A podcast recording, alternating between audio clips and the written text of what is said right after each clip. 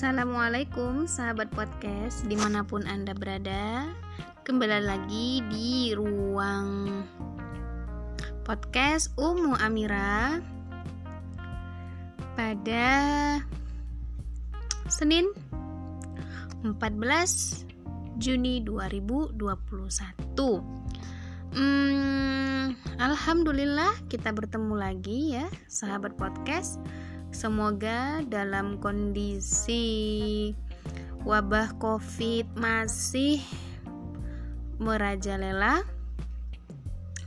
namun uh, mudah-mudahan sahabat podcast tetap dalam lindungan Allah, diberikan kesehatan dan kesabaran. Nah, jika ada yang sakit, Semoga Allah segera mengangkat penyakit antunas semua dan jangan meninggalkan sedikit pun sakit lagi. Amin.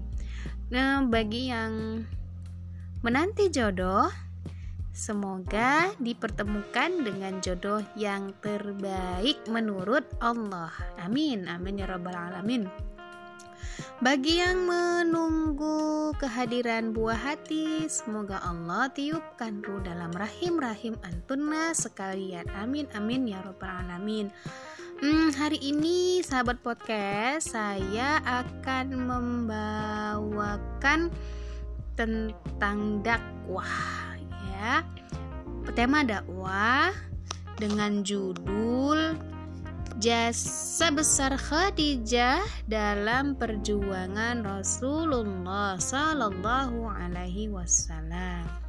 Siapa yang tidak kenal dengan Khadijah? Pasti sahabat podcast telah mengenal sosok Ummul Mukminin yang perjuangan pengorbanannya luar biasa kepada dakwah Rasulullah dan Islam. Khadijah binti Khuwailid bin Asad bin Abdul Al-Uzza itu nama nasabnya ya sahabat podcast merupakan salah satu perempuan yang digelari Ummul Mukminin atau ibu orang yang beriman.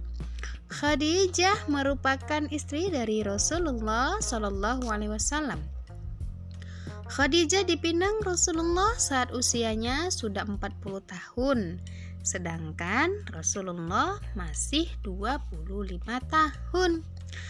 Nah, dikutip dari buku tokoh-tokoh besar Islam, sahabat podcast, sepanjang sejarahnya, Khadijah biasa dipanggil dengan sebutan Ummu Hindun. Nah, pada zaman jahiliyah, Khadijah dipanggil At-Tahirah atau wanita suci karena selalu menjaga kehormatan dan kesucian dirinya. Jadi kalau di Arab itu mereka uh, secara umumnya panggilan-panggilan nama itu sesuai dengan karakter atau kebiasaan dari pribadi-pribadinya. Nah, orang-orang Quraisy waktu itu menganggap Khadijah adalah pemimpin perempuan Quraisy.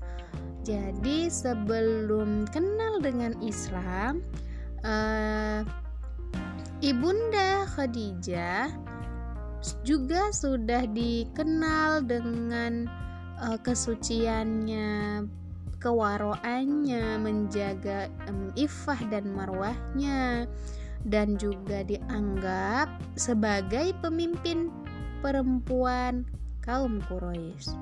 Khadijah lahir di Mekah pada tahun 68 sebelum Hijriah. Khadijah merupakan perempuan terpandang zaman itu. Nah, pernikahannya dengan Rasulullah bukan yang pertama.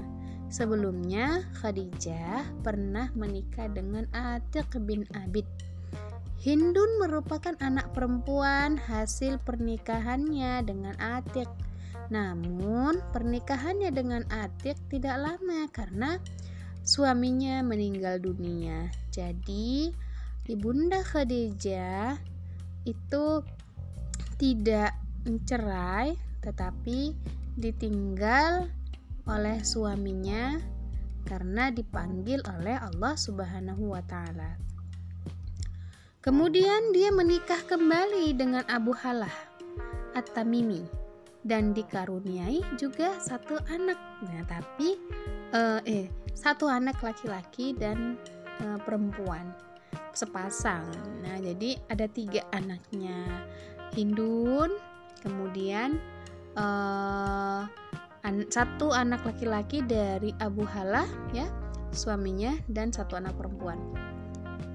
Nah, setelah itu barulah uh, Rasulullah menikahi Khadijah dan yang meminangnya adalah Hamzah bin Abdul Muthalib Sayyid Asyuhada. Nah, sebelum Rasulullah menikahi Ibunda Khadijah, Khadijah sudah dipinang oleh Hamzah bin Abdul Muthalib. Sebab harus selalu siap berada di samping Nabi baik suka maupun duka. Nah, jadi uh, ketika menikah dengan Nabi Shallallahu Alaihi Wasallam, uh, Islam turun dan uh, Sayyidina Khadijah tidak merasa berat ataupun kecewa bahkan sebaliknya Sayyidina Khadijah merasa uh, senang dan mengorbankan semua hartanya demi dakwah suami tercinta Nabiullah Shallallahu Alaihi Wasallam. Karena kita tahu dakwah yang dilakukan oleh Rasulullah itu tidak berjalan mulus-mulus saja, banyak ancaman, kemudian tekanan dan um, siksaan, ya. Tapi e, berkat adanya e, ibunda Khadijah, dakwah Rasulullah tetap kuat dan tetap berjalan. Hmm, semua itu dilakukan dalam rangka menyebarkan agama Islam ke seluruh umat manusia dan penjuru dunia. Nah, Khadijah merupakan perempuan tangguh yang tetap setia menemani perjuangan Rasulullah dalam menyebarkan agama Islam. Dan e, Ibunda Khadijah memiliki peran besar dalam membantu Rasulullah menjalani kehidupan suci, jauh dari penyembahan berhala, khamar, judi, kehidupan hura-hura, dan penurutan hawa nafsu pada masa sebelum wahyu turun. Jasa besar Ibunda Khadijah lainnya ketika Rasulullah menyepi di Gua Hiro yang kemudian wahyu diturunkan oleh Allah Uh, saat menyepi di Gua Hiro itu, Ibunda Khadijah menyediakan segala perbekalan Rasulullah. Ibunda Khadijah pula orang pertama yang beriman kepada Allah dan Rasulullah serta membenarkan risalahnya. Khadijah merupakan perempuan dengan kekayaan yang melimpah. Kalau kita sudah sering mendengar bagaimana kekayaan Ibunda Khadijah membuat hati dan rasa di dalam diri kita itu terkagum-kagum dengan kekayaan Ibunda Khadijah dan bagaimana dia mengelolanya untuk jalan dakwah. Kekayaannya diinvestasikan di bidang perdagangan. Dalam buku 100 Muslim terkemuka, karya Jamil Ahmad dijelaskan ketertarikan Ibunda Khadijah kepada Rasulullah karena kejujuran, kesetiaan, dan moralnya Rasulullah. Rasulullah saat waktu itu sangat terkenal di seluruh Hijaz. Sifat tersebut yang membuat Rasulullah dijuluki gelar Al-Amin. Maka atas dasar itulah Ibunda Khadijah menerima Rasulullah bekerja di usaha dagangnya. Ibunda Khadijah kemudian mengirim Rasulullah ke Basrah untuk membawa barang dagangannya selama tiga bulan lamanya. Sekembalinya dari Basrah, sahabat podcast, Ibunda Khadijah mengajukan lamaran agar dinikahi oleh Rasulullah. Jadi, yang melamar adalah Ibunda Khadijah, seorang wanita, bukan Rasulullah. Nah, pada zaman itu perempuan bebas menentukan pilihan siapa laki-laki yang akan dinikahinya. Keluarga Rasulullah seperti pamannya Abu Talib dan Hamzah kemudian berkumpul di rumah Ibunda Khadijah membicarakan terkait lamaran.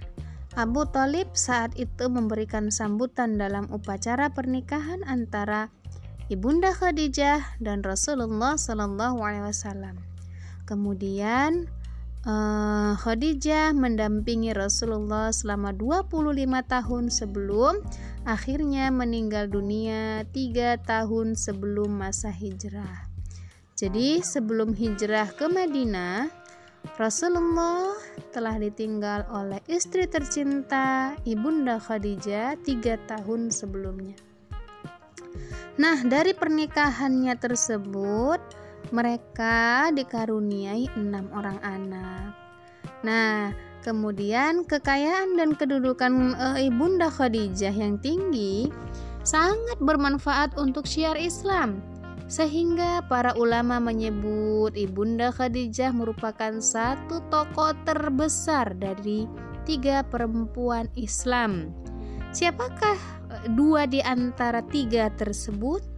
Dua perempuan itu adalah Fatimah dan Aisyah.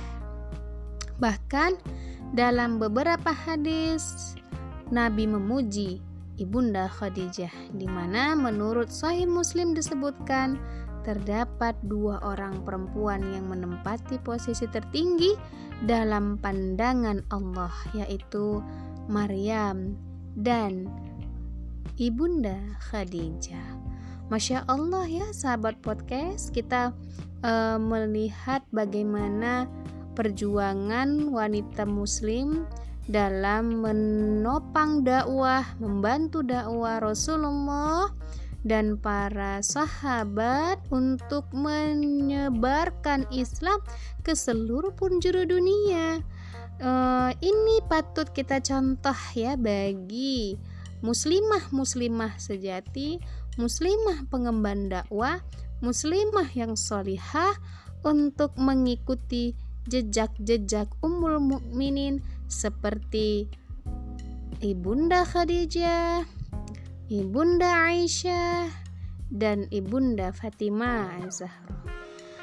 Uh, sampai di sini dulu podcast dari saya.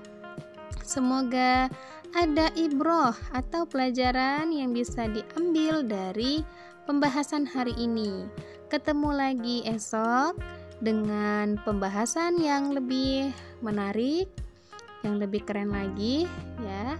Silakan ditunggu dan stay tune di podcast Umu Amira. Wabillahi wabillahi taufik wal hidayah. Assalamualaikum warahmatullahi wabarakatuh.